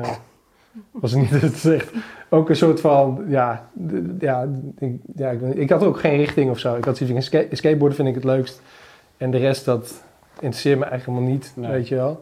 Maar ik moet maar wat doen, omdat dat een beetje is wat de maatschappij van je verwacht. Dus toen ben ik maar, ehm, toen ben ik, ja, wat ik zei, ik ben eigenlijk toen halverwege gestopt. En toen zei de eigenaar van, van die winkel van, hey, we, ze hadden net een nieuwe winkel geopend in Apeldoorn. En dat heette 7-Eleven, dus je had 24-7 en 7-Eleven. En dat was een spin-off. En toen zei ze, wil je daar dan niet gewoon even de, de, de remainder, zeg maar, de rest van het jaar daar staan en kijken of je, weet je, nadenken of wat je wil doen met je studie. We hebben nu iemand daar nodig, dus jij kan dat in principe gewoon fulltime doen. Dus dat ben ik gaan doen en me meer gaan bemoeien met de inkoop. En op een gegeven moment dacht ik, ja, ik vind het eigenlijk best wel leuk. Ik weet niet eens wat ik nog verder wil doen qua studie. Maar, ik blijf dit het doen. balletje rolde gewoon iedere keer onbewust een beetje door. Inderdaad. En toen op een gegeven moment, dat was denk ik na, echt na een half jaar, drie kwart jaar, toen was er een pand in Arnhem wat vrijkwam. En dat werd eh, Frisco. Dat is ook een, ja, een, een, een skateshop, maar die ging meer eigenlijk, en dat, eigenlijk heb ik toen gezegd van, nou, geef me gewoon een contract, geef me vrijheid en dan ga ik dat voor jullie doen, die winkel. En dus dat was een beetje mijn soort van eigen LOE-cursus of zo, weet je. In, een winkel, winkel opzetten, inkopen doen, naar beurzen. eh, ja, ook gewoon dat, we hadden toen ook al een skateboardteam en content creëren en echt zo van een platform bouwen voor die, voor die skateboard scene ook. Dat vind ik eigenlijk persoonlijk het leukst ook, weet je. Gewoon dat, dat werk doen en, en, en eh, ja, met, met, met, met, eigenlijk met skateboarders werken en zo, weet je. Dus dat is eigenlijk Frisco geworden. Dat heb ik denk drie, vier jaar gedaan. En toen werd ik gevraagd om voor Frisco te gaan werken. En dat is eigenlijk een beetje allemaal zo organisch gekomen. Dat ik eigenlijk gewoon heel koppig, denk ik, gewoon dacht, dit vind ik tof. En dit is hoe ik denk dat het moet zijn of zo. En, Nou ja, zo kwam je dus uiteindelijk bij Piet Parra terecht. ja, Hoe, hoe lang heb je daar gewerkt en wat heb je voor hem gedaan? ja, twee, tweeënhalf jaar denk ik. Dat was in, initieel eh, veel sales, zeg maar. Dus verkoop voor zijn merk, Rockwell. Of toen was het Rockwell bij Parra. En toen werd het op een gegeven moment bij Parra, zeg maar. Dat is allemaal soort van fase geweest. En toen Ja, waar- waarom is het eigenlijk veranderd, weet je dat? Omdat het Rockwell natuurlijk niet, denk je niet meteen aan Parra. En Parra, het was eigenlijk meer een soort van, dat gebeurde eigenlijk, nou Rockwell is eigenlijk gewoon ontstaan vanuit, laten we een merk doen. En toen werd eigenlijk Parra groter dan het merk Rockwell, denk ik. Ja. En toen was het van, ja, het makes sense als het gewoon Parra is, Ja, zeg maar. Dat mensen gewoon dat zien en denken, hé, dat is toch Parra? Maar nee, is Rockwell. En dat ze dan niet meer die, die tweak in hun hoofd hebben dat het, ja, dat het een, iets heel anders, of dat het anders heet dan dat je eigenlijk denkt dat het, eh, dat het En, moet en zijn. heb jij iets bij eh, Parra geleerd in de tijd dat je daar werkte wat je bij eh, Pop kan gebruiken? Ja, ja, veel. Ja, heel veel. En heb je daar een concreet voorbeeld van? Nou goed, eigenlijk Piet was degene die zei toen de tijd, Parra, zeg maar Piet Parra, die zei van, je moet gewoon, waarom ga je niet iets voor jezelf doen? Waarom gebruik je niet gewoon mijn fabrieken, weet? Je- Dat was hij heeft ons eigenlijk geïntroduceerd bij onze fabriek in Portugal, onze fabriek in Amerika. Ehm, dus ja, dat was wel. Ja, in principe heb ik daar veel, veel geleerd, ook eigenlijk over het samenstellen van een collectie. Ja. Dus daar heb ik op een gegeven moment ook mee, mee geholpen, zeg maar, met de collectie samenstellen samen met, met, uh, met Paradan en met zijn compagnon Alex, zeg maar. Die zit dan in Den Bosch. Dus in Den Bosch was het eigenlijk zo van het hoofdkantoor, zeg maar. En uh, ja, het is gewoon, het is niet heel, het is niet zo'n mega organisatie hoor. Het is gewoon uh, gas, gas in Den Bosch. Die liever in Den Bosch blijft dan, dan in, die hier in Amsterdam is. En, uh, dus ik was eigenlijk een beetje, ik zat daar gewoon een beetje tussen, tussen dat kantoor in Den Bosch. En uh, af en toe sprak ik met Piet af en dan gingen we praten over de collectie. Uh, en zo was het eigenlijk een beetje de, de, ja, dat heb ik eigenlijk daar een beetje gedaan. En, en, maar nou hebben we allemaal wel eens een, een, een t-shirtje gedrukt of zo, of een keer een petje laten maken. ja. Maar wanneer werd het nou qua kleding voor jullie echt? Ja, dat was denk ik, wij zijn begonnen in 2013, echt in 2000, najaar 2016. Dat is eigenlijk waar dit, waar dit shirt bijvoorbeeld dan van is. Dat was echt onze eerste collectie. Dus daar zijn we in 2015 echt gaan ontwikkelen. En voordat je dan denkt, nou dit is een goed shirt, of dit, hier zijn we blij mee. Er zit ook alweer een jaar, anderhalf jaar tussen. Qua ontwikkeling, denk ik. En, en hoe, hoe groot was die collectie? Wat, wat, welke stuks hadden jullie? Ik denk dat het uh, twee t-shirts of zo waren. Drie t-shirts, een hoodie, een overshirt hadden we gemaakt. Een paar petten en uh, ja, dat eigenlijk. Maar kijk, nou vertelde je net van... Uh, uh, ja, weet je, het is in de skateboardwereld. als we een printje leuk vinden, dan veranderen we een ringetje eraan... en we denken, fuck it, we, we drukken het op een shirt. Ja. Maar nou weet ik inmiddels dat je de man bent die al zo lang meeloopt in de mode-industrie. Hoe Ja. kan het dan dat je niet denkt, joh, we, we moeten echt niet in ons merk zo'n icoon als kuifje pakken, want morgen gaat de telefoon van een advocaat. Ja, maar dan denk je gewoon, nou, toen de tijd zeker ook, we zijn niet zo bekend, niemand ziet het. Maar het is vooral ook een beetje, misschien wel een soort van schoppen. Ja, ik weet niet of dat het is. Het is gewoon dat je denkt, nou, het is gewoon een, Fuck it, boeien. het is, ja, dat. Precies dat, denk ik. Doe Benny van, ja, van Benji, je hebt dan een Benji shirt aan. Die doet ook een quick, kwek en kwak, zeg maar. Precies, ja. Het is heel, erg- heel erg aan het skateboarden. Misschien wel een beetje, ik wil niet zeggen rebels, klinkt een beetje kut, vind ik altijd. Maar het is gewoon meer dat je gewoon daar, ehm, ja, denkt van, nou, laten we het gewoon proberen. Maar op een gegeven moment, dat, is- ja, dat was dan inderdaad het verhaal van de, dat kuifje. Daar hebben we natuurlijk nooit iets van gehoord, echt. Want het waren de 100 t-shirts, denk ik, of zo, die we dan gemaakt hebben. En eh, dat kunnen we nu ook niet meer doen, denk ik. Ehm, omdat we nu dus verkopen aan best wel bekende winkeliers, zeg maar, wereldwijd. Weet je? Ja. Dus als, als zij dat posten, dan is er gewoon wel meteen stront aan de knikken, denk ik. En we hadden dus het ding, we hadden een, een Popeye. eh nou goed, Popeye natuurlijk, is een beetje de, de... Maar een vriend van ons, die had dus een, ons logo gemaakt. ja, bedoel, pop zit in de naam Popeye, dus eh Snap je, één dat? ineens twee, ja. 1 en 1 is 2. En we hadden zeg maar, uit de O van ons logo kwam ehm olijfje. Oh ja. Nou, misschien hebben jullie eh, een Ja, ja. voorbeeld dadelijk. Kunt u erin knippen. Tuurlijk. Maar, maar, die, maar in ieder geval, die kwam er zo Ik, uit. maak- ik zie hem nu op het scherm. Ja, Maar dan moet ik mijn vinger laag houden. Ik zie hem nu op het scherm. Oh, ah ja, vet man. ja. Maar goed, die, eh, dat hadden we gedaan op een shirt. En er kwam dus olijfje uitkijken. En wij dachten, nou ja, lachen, dat eh, weet je wel. eh, nou, in eerste instantie moeten we doen. Ja, nou, we gaan het gewoon doen. Maar uiteindelijk hebben we die, die, die, dat item verkocht aan een winkelier in Japan. Die heet Beauty Youth Age. Dat is van United Arrow, zeg maar. Dat is een best wel grote winkelier. En die zeiden, mogen we ook niet een grijze crewneck, grijze sweater, zeg maar. Van, van, kun je die niet maken voor ons, gewoon exclusief? Wij zeiden, ja, ja, het is cool. Weet je wel, ook niet helemaal mee bij stilgestaan dat het ook nog wel in Japan natuurlijk best wel een big deal is. Al die, eh, die cartoon characters, zeg maar. Dus op een gegeven moment kwam dat spul uit en zij wouden het een maand eerder hebben dan dat die t-shirts uitkwamen. En dus toen eh, hadden ze een hele, hele, een hele raam volgeplakt met, weet je, met een grote sticker. Met... En een paar weken later kreeg ik een e-mail van, eh, van, van onze agent in Japan. En die zei, hey Peter, eh, eh, de contracten voor dit, eh, voor, dit, eh, voor dit project kun je dit even doorsturen naar United Arrows. Want eh, de mensen van, eh, ja, van Popeye, King Features heet dat, ehm, die, hebben ge, die hebben gemaild en die vragen zich af, eh, want zij konden het niet vinden, de documenten. In hun, Normaal gesproken, als je met zo'n eh, merk of figuur samen wil werken, dan moet je daar echt een licentie van hebben. moet je een licentie voor hebben en dan moet je het allemaal officieel regelen. Maar En heel dus- gek, die konden jullie niet meer vinden. Nee, die was, inderdaad- die was gewoon verdwenen. Nou, het ding was dat we dus dat, ja, we hadden het niet. En ehm, wij zeiden ook, ja, dat hebben we niet. Maar onze agent wist het eigenlijk ook. Voor zover, hij- voor zover wij, hij dacht volgens mij, het is heel Japans natuurlijk om, ook om te denken dat het allemaal geregeld is, Ja, weet ja, je wel. ja. En omdat dat niemand daar zich bedenkt, laten we daar eens gewoon even proberen of dat kan. Dus toen uh, kregen wij een e-mail en dat was van een Japanse man en die zei uh, van King Visus en die was super vriendelijk en die zei ja, omdat United Arrows dus en er stond ook in, volgens mij stond in de Japanse GQ was het ook gefeatured zeg maar, dus een redelijk groot... vet hoor, dat dat, dat dat gelukt is. Ja, ja, natuurlijk, maar daar, daar zijn we ook wel een beetje gepakt natuurlijk. En toen kwam, toen kwam dus uh, de Japanse King Visus en die waren heel netjes eigenlijk, die zeiden nou heb je geen contract? Ja, dan moeten we toch wel even met Amerika gaan praten, want daar zit het hoofdkantoor. En dus zo is dat gaan rollen. En toen nou, kwam daar iemand en die zei, nou, iemand uit de Benelux gaat met jullie contact opnemen. En dan wordt het opgelost. Ja, maar ik zeg je eerlijk, ik sta ervan te kijken hoe lief dit allemaal gaat. Ja, vond ik ook. Want ik zou echt denken, nou, we zijn help, met, met, we zijn echt wel, advocaat. Wij zijn er denk ik wel echt met, uh, met een gelukje, we zijn echt wel goed vanaf gekomen. Omdat inderdaad, het ding was dat die spullen waren allemaal uitverkocht. Dat was gewoon binnen, binnen een paar dagen weg. Dus ze konden ons niet, zoals dat noemen ze een cease and desist. Ze konden niet zeggen, dat mag niet meer, zeg maar. Uh, of je, je moet het uit de winkel halen, want het kon niet meer uit de winkel gehaald worden.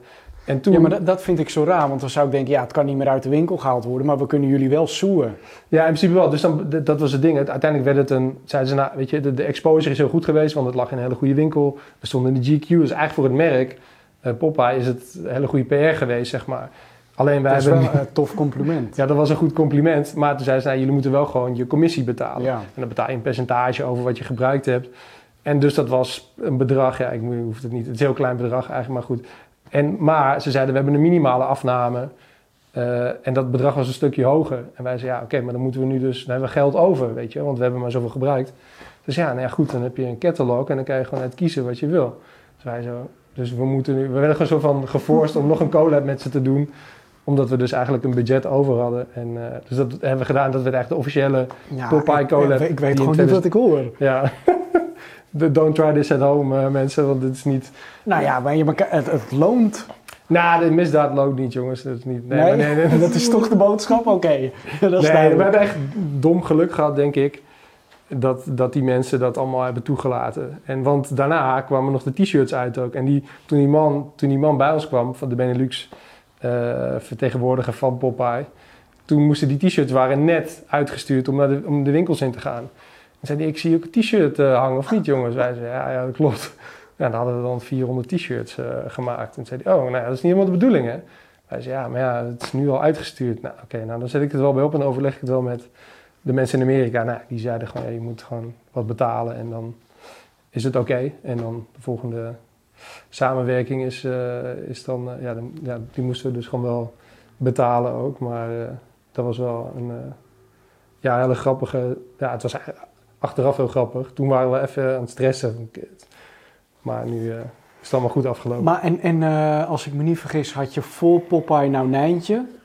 Uh, nee, dat was daarna, geloof ik. Ja, nee, nee, voor, voor, ja, dat was voor trouwens. Voorjaar 2019 is dat geweest, ja, Nijntje, ja. En, en had je bij Nijntje de licentie wel netjes binnen? Ja, dat hadden we gewoon gemaild. Ja, wij wisten gewoon niet, dit is het ding ook, wij hadden helemaal geen idee van die licentiewereld, zeg maar.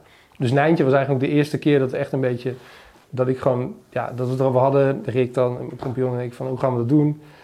Nijntje is wel tof om iets mee te doen en uh, misschien moeten we een soort van, ja, wij dachten eerst ook, laten we het gewoon proberen, weet je wel. Gewoon maar even gewoon een t-shirt maken en dan maar hopen dat ze niks uh, doen. Maar toen zeiden we, ja, misschien moeten we het toch wel serieus uh, doen, want we werken met bijvoorbeeld Mr. Porter of End Clothing, zeg maar. Dat zijn best wel grote spelers.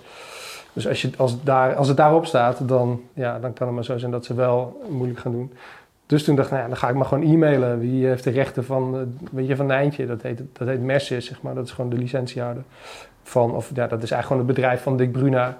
En uh, dat zijn hele, hele chille mensen eigenlijk. Dat is echt uh, leuk. We hadden gewoon gemaild. Ik zei, ik weet niet hoe dit werkt. We hebben een skateboardmerkje uit Amsterdam. En we zouden heel graag iets met jullie doen, maar ja, ik snap ook dat jullie misschien niet op zitten te wachten. En toen werd ik twee dagen later gebeld. Toen was ik in Londen, toen met Palace dus af te spreken. En toen uh, zei ze, ja, met uh, Martine van Messis. En ik zo, wie? Is dit, weet je wel? En van Nijntje. Ik zo, je belt me terug? Oh, dat is grappig. dus toen ja, was het eigenlijk gewoon geboren. En, uh, en vonden zij het ook heel leuk dat wij dat... Eigenlijk, zij dachten, zij vonden het een risico. Wat we namen eigenlijk. Die als iets van, ja... Weet je, jullie zijn, jullie zijn er zo van volwassen, volwassen skateboardmerk. Jullie met een kinder kinderen, ja. Maar jij wist natuurlijk meteen, ja, dat is juist heel vet. Ja, dat was het ook. En, uh, gaat even een vrachtwagen eens achteruit. Nieuwe. Ja. Nieuwe lading snowboots voor, voor, voor Valeria. Ja, ik vond toen ook die uh, ribfluwelen broeken vet met al die nijntjes erop. Ja, ja. Uh, hebben jullie daar lang over moeten bakkeleien? Hoe kwam je op het idee? In principe is het gewoon Ralph Lauren referentie eigenlijk, weet je wel. Ja, ja dat tenminste, dat is toch een beetje de... Nou, het idee van het je wel pop, opkomen. Ja, het idee van pop is eigenlijk toch een... Ja, dat is, het, eigenlijk zijn we een soort van... toen we begonnen ook was het vooral het idee... Als je naar een skateshop gaat, dan, dan zie je vooral heel veel gewoon Fruit of the Loom en Gildan t-shirts met een printje erop. Hele leuke printjes, maar weliswaar het is wel allemaal een beetje niet de beste kwaliteit. En, en wat is iets van laten we een soort van proberen om een, een ja, meer considered, meer menswear aanpak te, te, te, te nemen op een soort van skatekleding. Dus zo zijn we eigenlijk begonnen met het maken van ons eigen t-shirt, helemaal een eigen cut in Portugal gemaakt, zeg maar. Dus echt proberen om, om kwaliteit te brengen, zeg maar. Dus als je in een skateshop door een rek bladert, je denkt, oh, wat, is, echt kwaliteit. Ja, wat is dit, ja. Dat je gewoon echt kijkt, dat je echt voelt dat het een andere kwaliteit is en een ander product. En uh, dus zo zijn we eigenlijk daarmee begonnen. En natuurlijk is dan bijvoorbeeld een, een Ralph Lauren een inspiratie, zeg maar. Dat je gewoon eigenlijk een beetje, zeg maar, je, je ja, dat ik zeg, ik skate al sinds mijn twaalfde. Dat je die hele cultuur en die, ja, en die stijl eigenlijk, we hebben ook gewoon bijvoorbeeld een hele oude jas van de merk, dat heet Drawers. Drawers Clothing, dat werd eigenlijk DC, DC, DC Shoes. Maar daarvoor was het, of dat is nog steeds een kledingmerk, zeg maar, wat, of dat is nu weer teruggebracht ook, maar goed.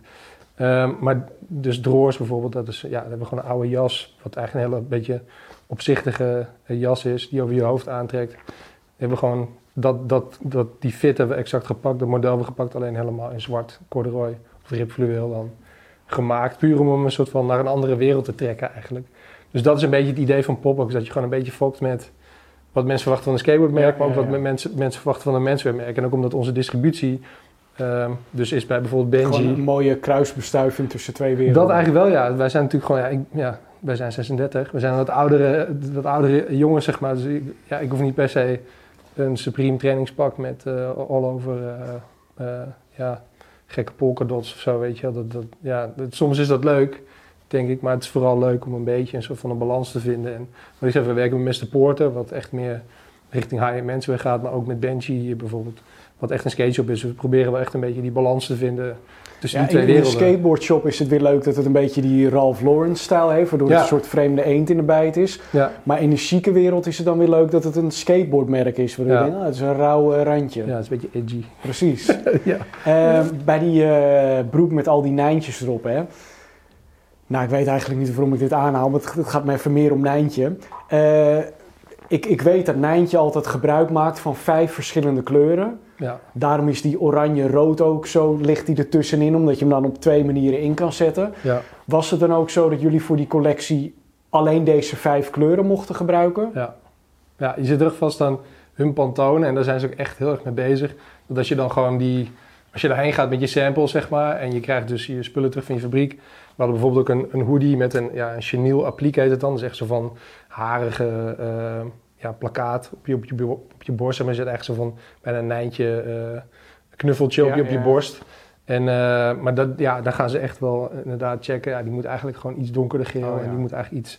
Uh, of de nijntjes moeten beter geborduurd, het moet cleaner. De mondje lijkt nu een beetje gehandicapt of zo. Dan gaan ze daar gewoon ogen staan te dicht bij elkaar.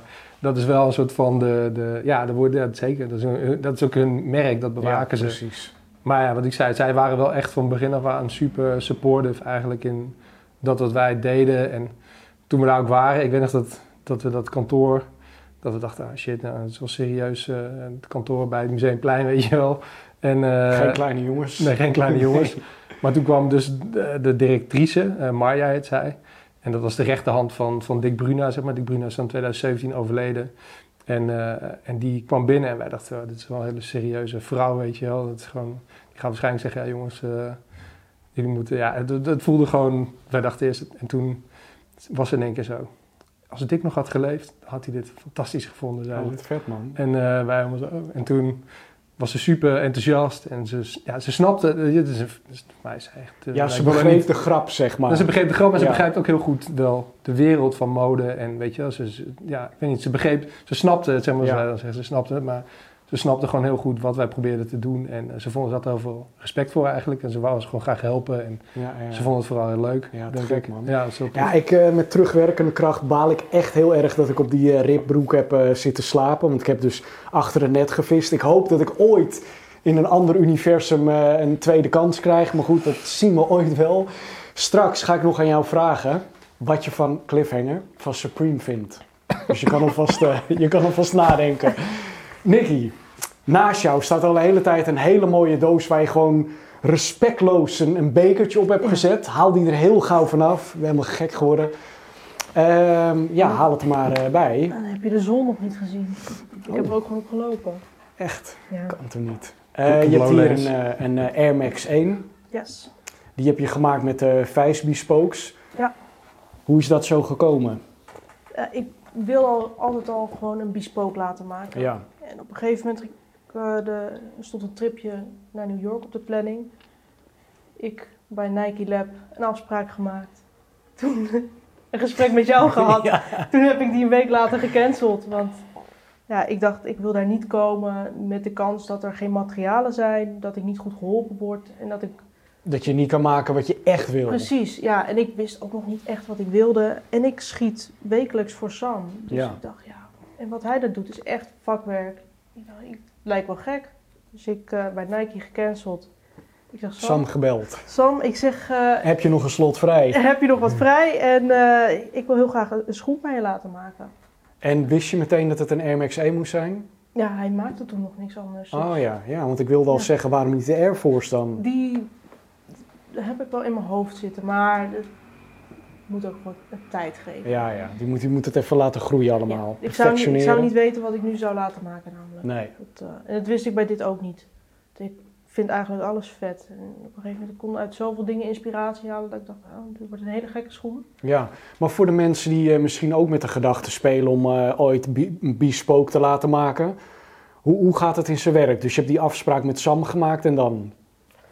Ja, ik kwam, ik kom al wekelijks bij Sam, dus ik zag al al die materialen, ik zag al Ja. al die schoenen. Dus ik wist ook wel wat ik niet wilde. Soms zaten er zulke gekke kleuren bij en daar hou ik niet echt van. Dus ik ben thuis aan de slag gegaan, dus gewoon dingetjes gaan inkleuren. eh, Gaan kijken wat ik vet vond. Nou, ik vond patent leather heel vet. En ik wilde ook iets met dieren, maar niet te gek. Ja. Dus vandaar die zebra. En toen ben ik gewoon een eh, aantal favoriete kleuren gaan uitkiezen. Dat waren deze drie. Dus ja, wit, blauw en roze. Mag ik er ook eentje bekijken? En eh, terwijl je zo aan het, eh, aan het schetsen was en zo, eh, hebben er ook dingen de revue gepasseerd waarvan je dacht, nee, dat werkt toch niet helemaal lekker of wat jammer, dat gaat niet. Ik heb wel goed denken. Ja, ik, we hadden voor de toebox eigenlijk echt leer in gedachten. Maar dat is zo duur en Ja. dat... Ik weet niet, het- ergens voelt het ook niet goed of zo. Dus dit Nee. is een, een gestanste eh, vorm van een... Het is een krokodil of zo. Dat had ik nog wel vet gevonden. En ik had een iDiesel besteld. En dat was ice blue, maar dat is gewoon transparant. Dus dat zijn nog wat dingen dat ik dacht van... Ik vind het altijd zo bizar dat die eh, doorzichtige zolen uiteindelijk geel worden. Dan haal ik dingen uit de doos, dan denk ik, hé, dit was toch ooit een beetje blauwig? Ja, en op, ja, op de foto al helemaal. En dan krijg je hem binnen en is het wit. Ja. En een paar maanden later, want ik heb hem nu heel vet in, zo'n kast, zoals hierachter. Zoiets, een beetje gedisplayed. Dus ik denk het in. Dus dat staat wel continu in het daglicht. Ja, Het is niet gewoon lijm. Zo. ja De Ja. lijm zeg maar, van de zool gaat verkleuren. ik had het Want kijk, die, zeg maar, de, de, die, die swoosh op de achterkant, dat is van een andere schoen? Of borduurt hij dat zelf? Hij, hij maakt het dus helemaal zelf. Dus Oh, sick. Hij, hij kan eigenlijk alles zelf, behalve de zool.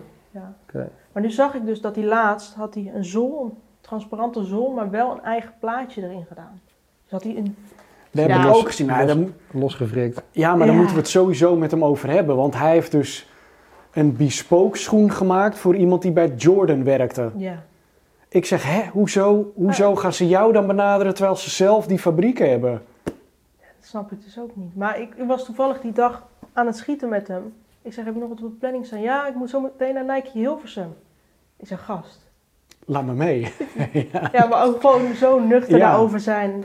Ja, maar als die mensen daar al bij jou een, een Ja, Nike precies. bestellen, dan weet je toch dat je goed zit. Want het is een beetje hetzelfde verhaal als net. je gebruikt wel een, een logo Ja, van iets waar je eigenlijk geen toestemming voor hebt. nee. En dat was dus ook mijn ding met, met deze. Dat ik dacht van, heb ik nou eigenlijk een neppe Nike? Of, Een Want- echte, ja. ja. want dat is dus, wat- als je hem bij Nike bespook maakt, dan heb je wel een officiële Nike schoen. ja. Maar dat is, komt ook maar uit de fabriek. Hij kan wel die neus eh, zo eh, goed shapen. Toch? Dat wel, beter dan Nike. ja veel beter. Eh, nou heb je hier een swoosh en eh, daar eh, 23. 23. Hoezo niet op beide hetzelfde? Nou, ik had het een beetje van, een, van die Piet Parra schoen afgeleid. Dus je Oh, hebt ja. aan de ene kant Parra en aan de andere kant die swoosh. Ja, Ja, 23. Ik ben jarig op 23 april. Het is een cijfer wat me altijd achterna zit. Een soort geluksgetal. Het is niet per se voor Michael Jordan. ja dat, dat dacht ik dus Dat denkt echt. iedereen, ja. Maar ik, ik vind het gewoon een mooi getal. Het past erbij. Ja, Ja, wat, wat dat betreft zit er niet echt een groot concept aan. Ik dacht gewoon, ik wil een schoen maken die, die nog nooit is uitgebracht. Dus wat je niet snel terug gaat zien. En wat ik echt vet vind om te dragen.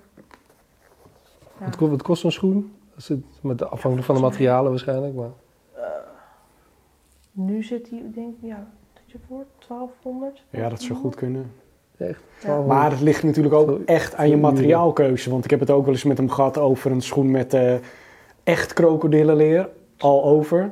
En dan eh, gaat het natuurlijk wel... eh, Ja. Ja. wat het is, Sam betaalt mij gewoon voor zijn shoots. Dus oh ja, dat is natuurlijk eh, ideaal. ook- Ja, dan kan je een beetje wisselen. Precies. Dus Eh, toen had ik ook zoiets, dan ga ik daar niet heel gek slangenleer Nee, op gooien. nee. Ja, Ik zou hem doen of juist alsjeblieft. wel. In 2030 nog Ja. foto's schieten. Precies, ja. Ik zei ook van, doe alsjeblieft rustig hiermee. Geef het geen haast, want weet je, ik ben het maar. Nou, en You Can't Rush Art natuurlijk ook. Eh, nou had je het er net over dat hij, eh, je had eh, dus een schoen besteld, puur en alleen om de zool te kunnen gebruiken. Ja. Maar op de foto was dit een andere tint. Ja, het was dat lichtblauw, dus het zou heel mooi bij dit blauw passen. Het echt zo'n icy blue. Maar als jij zelf nou schoenen aan het fotograferen bent, let je daar dan ook op dat de kleuren wel overeenkomen? Of denk je, ja maar dit licht is het mooier? Of moet het wel altijd qua Ja, kleur waarheidsgetrouw blijven? Soms maak ik productfoto's, dan kan je niet van groen een keer geel maken. Nee. En eigenlijk... Maar ik heb soms wel eens, dan ben ik bijvoorbeeld voor Sam eh, op zoek naar een bepaalde kleur airbubbel. En dan zie ik op de ene website is het geel en bij de andere denk ik, ja, dat is meer oranje of eh, goud. Ja, ik probeer het wel te houden zoals die schoen is. Ja, Ja, het zou een beetje raar zijn. ja. Je ziet het wel eens van die, bijvoorbeeld die eh, Off-White Jordan 4. Mensen hadden er allemaal lichtblauwe, lichtroze van gemaakt. Dus ik, vet, komen die uit? Nou, niet dus. Dat was Nee. weer gefotoshopt.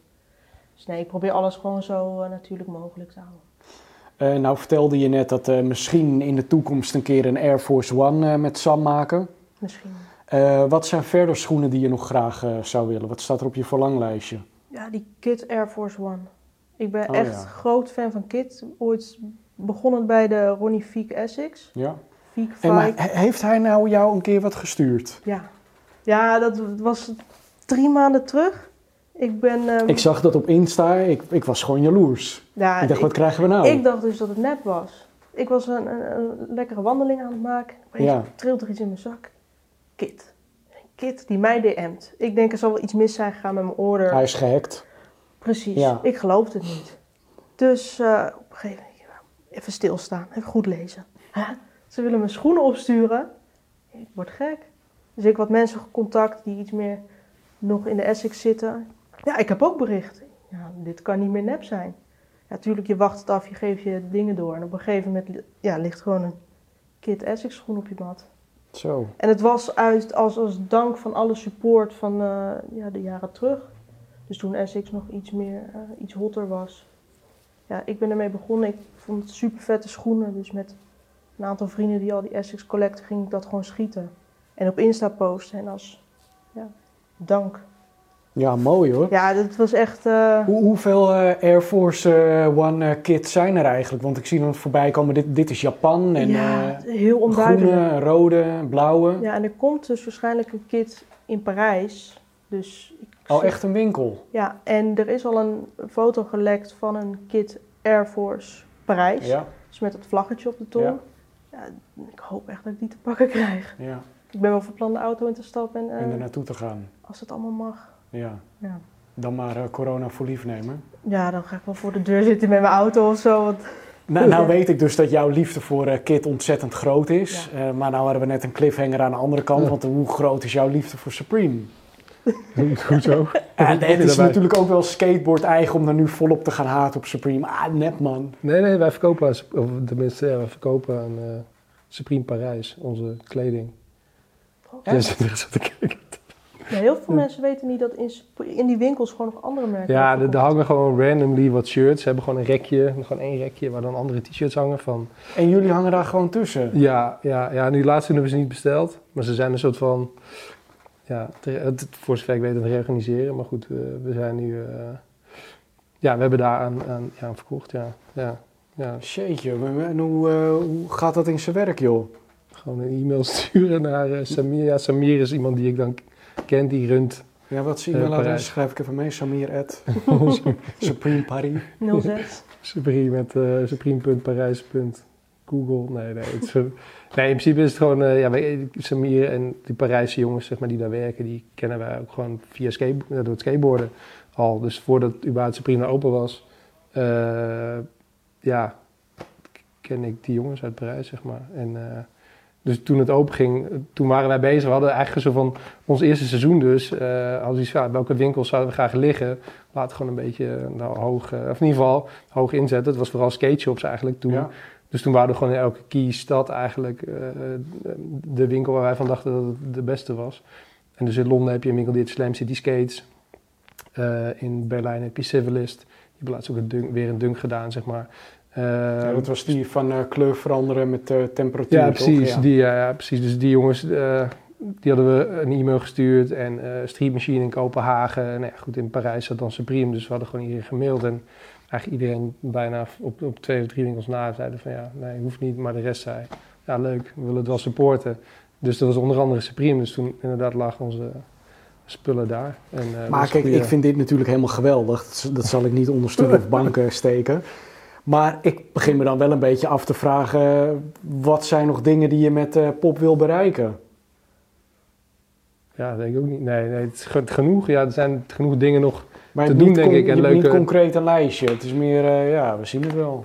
Ja, eigenlijk is het een beetje, nou ik wil zeggen, we zien, we hebben natuurlijk wel een idee of een strat of strategie, maar meer een soort van, dit, dit, lijkt ons tof en hoe kunnen we het beter doen de volgende keer. En dat is één op natuurlijk onze eigen collectie, weet je, hoe kunnen we dat innoveren en eigenlijk vernieuwen.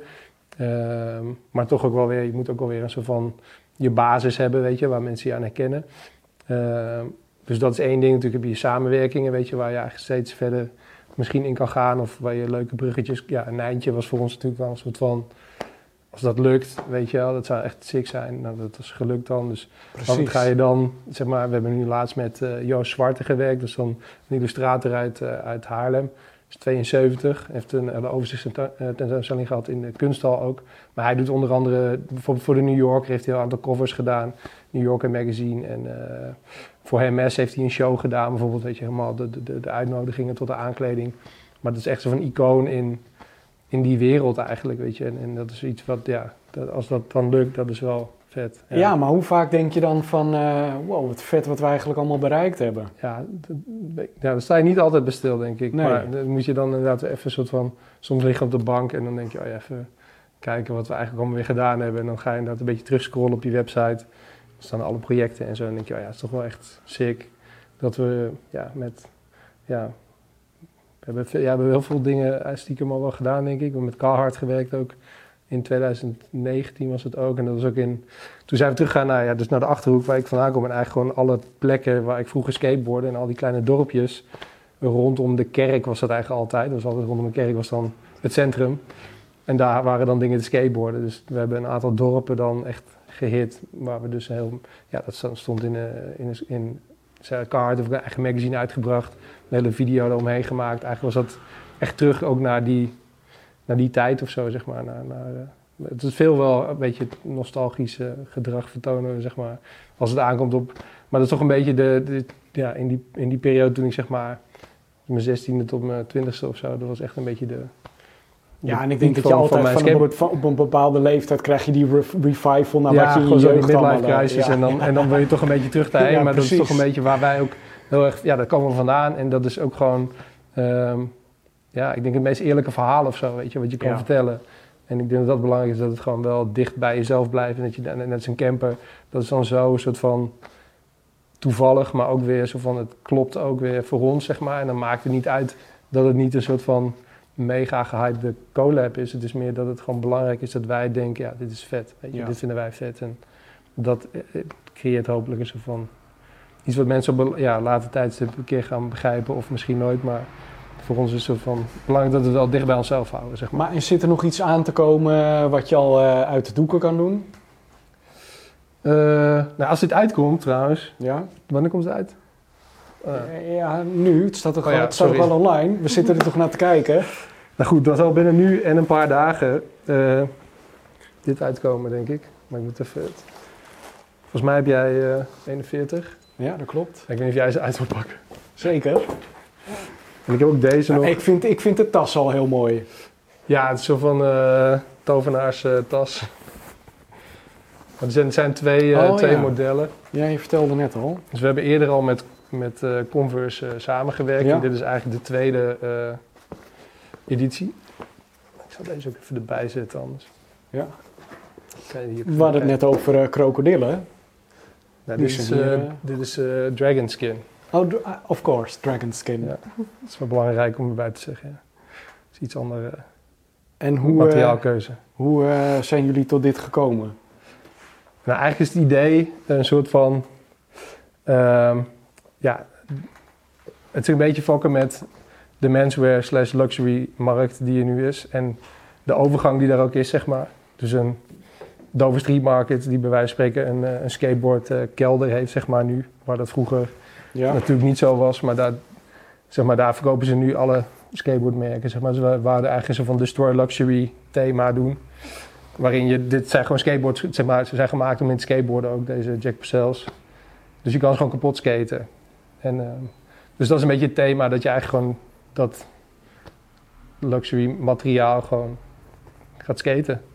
Dus dat is een beetje het thema. Dat je, en, en de kleuren zijn ook weer gebaseerd op onze collectie van dit najaar, zeg maar. Dus daar zit eigenlijk dan weer de... Ja, mooi man. De overlappende... Dus ja, het is in principe gewoon leren in Sol met uh, een beetje gouden details. En... Uh, ik, ik uh, parkeer hem hier uh, naast me. Dat is helaas buiten beeld, maar ja. Die zien we wel als het goed is. Nicky, nou fotografeer jij ook onder andere bij festivals. Maar ja, dat zit er nu allemaal niet in, vermoed ik. Helaas niet. Dan is het wel fijn dat je ook roots hebt in de schoenenwereld, want dat, dat gaat volgens mij gewoon door. Ja, en dat, dat had ook niet stilgelegen. Nee. Maar juist nu, online gaat harder dan ooit. Dus uh, dat, wat dat betreft mag je niet klagen. Dus het was gewoon lekker geweest als je een soort van vakantie uitje had gehad naar wat anders. Ja. Dus ik merk wel dat de creativiteit af en toe een beetje op is. Dat ik denk, wat moeten we nou weer doen? En zeker in Nederland, weet je, ik heb alle spots ondertussen wel gehad. Ja. Dus, uh, nou, als je niet meer weet uh, wat je moet doen, dan heb ik een hele goede tip voor je. Laat me raden. Luisteren jullie uh, vooral ook eventjes mee, want we, we, hebben een prijsvraag. Het is niet te geloven. We zijn het hele seizoen bezig geweest om met alle gasten die hier langskwamen een Air Max 1 samen te stellen. Dat was een heel moeilijk proces. Het was een rollercoaster langs alle emoties, maar uiteindelijk zijn we tot een ontwerp gekomen ja, ik vind hem meer dan geslaagd. Twee soorten veters erbij. Uh, op één van die veters komt de geuzennaam van die Air Max 1 te staan. Maar die moet jij gaan bedenken, want de geuzennaam die uiteindelijk uitgekozen wordt, diegene die heeft deze wedstrijd gewonnen en die krijgt die schoen in zijn of haar maat thuis gestuurd. Wil je nou meedoen? Ik kan me niet voorstellen dat je dat niet zou willen. Uh, mail dan even de naam die jij bij deze schoen vindt passen. Zien ze het goed in beeld of moet gewoon fullscreen? Ik maar gewoon zeggen, ah, fullscreen, kijk, nu zien we hem veel beter. Twee soorten veters, laat het even op je inwerken. Wat voor bijnaam zou deze schoen nou moeten krijgen? Mail het naar uh, geuzennaam, sneakerjagers.nl. En uh, te zijner tijd, want daar doe ik even geen uitspraak over, we zijn allemaal iets langzamer dan je zou willen, kiezen we een winnaar uit. Dan gaan we met vijf bespokes die schoen ook daadwerkelijk maken. En wie weet gaat op een dag de deurbel. Dan is het niet Gaston, maar dan ben ik het. Met voor jou een hele mooie Air Max 1 op maat gemaakt. Dus bijna gewoon een, een sprookje. Die kan dan uitkomen. Ik wil je bedanken voor het luisteren. Dat je weer de tijd hebt genomen om uh, deze podcast te checken. Natuurlijk uh, bedank ik uh, Nicky van Toorn. Heel leuk dat je er was. Dankjewel. Veel succes en hopelijk snel weer een expositie op sneakers of in... Ik hoop dat we überhaupt snel weer naar een event mogen, maar Ja. dat zit er Ja, niet we gaan het allemaal meemaken. Ik wens jullie hele fijne feestdagen. Peter, bedankt dat je hier was. Veel succes met poptrading. En als er een eh advocaat eh, belt, Ja. doe hem de groeten van me. Tot de volgende.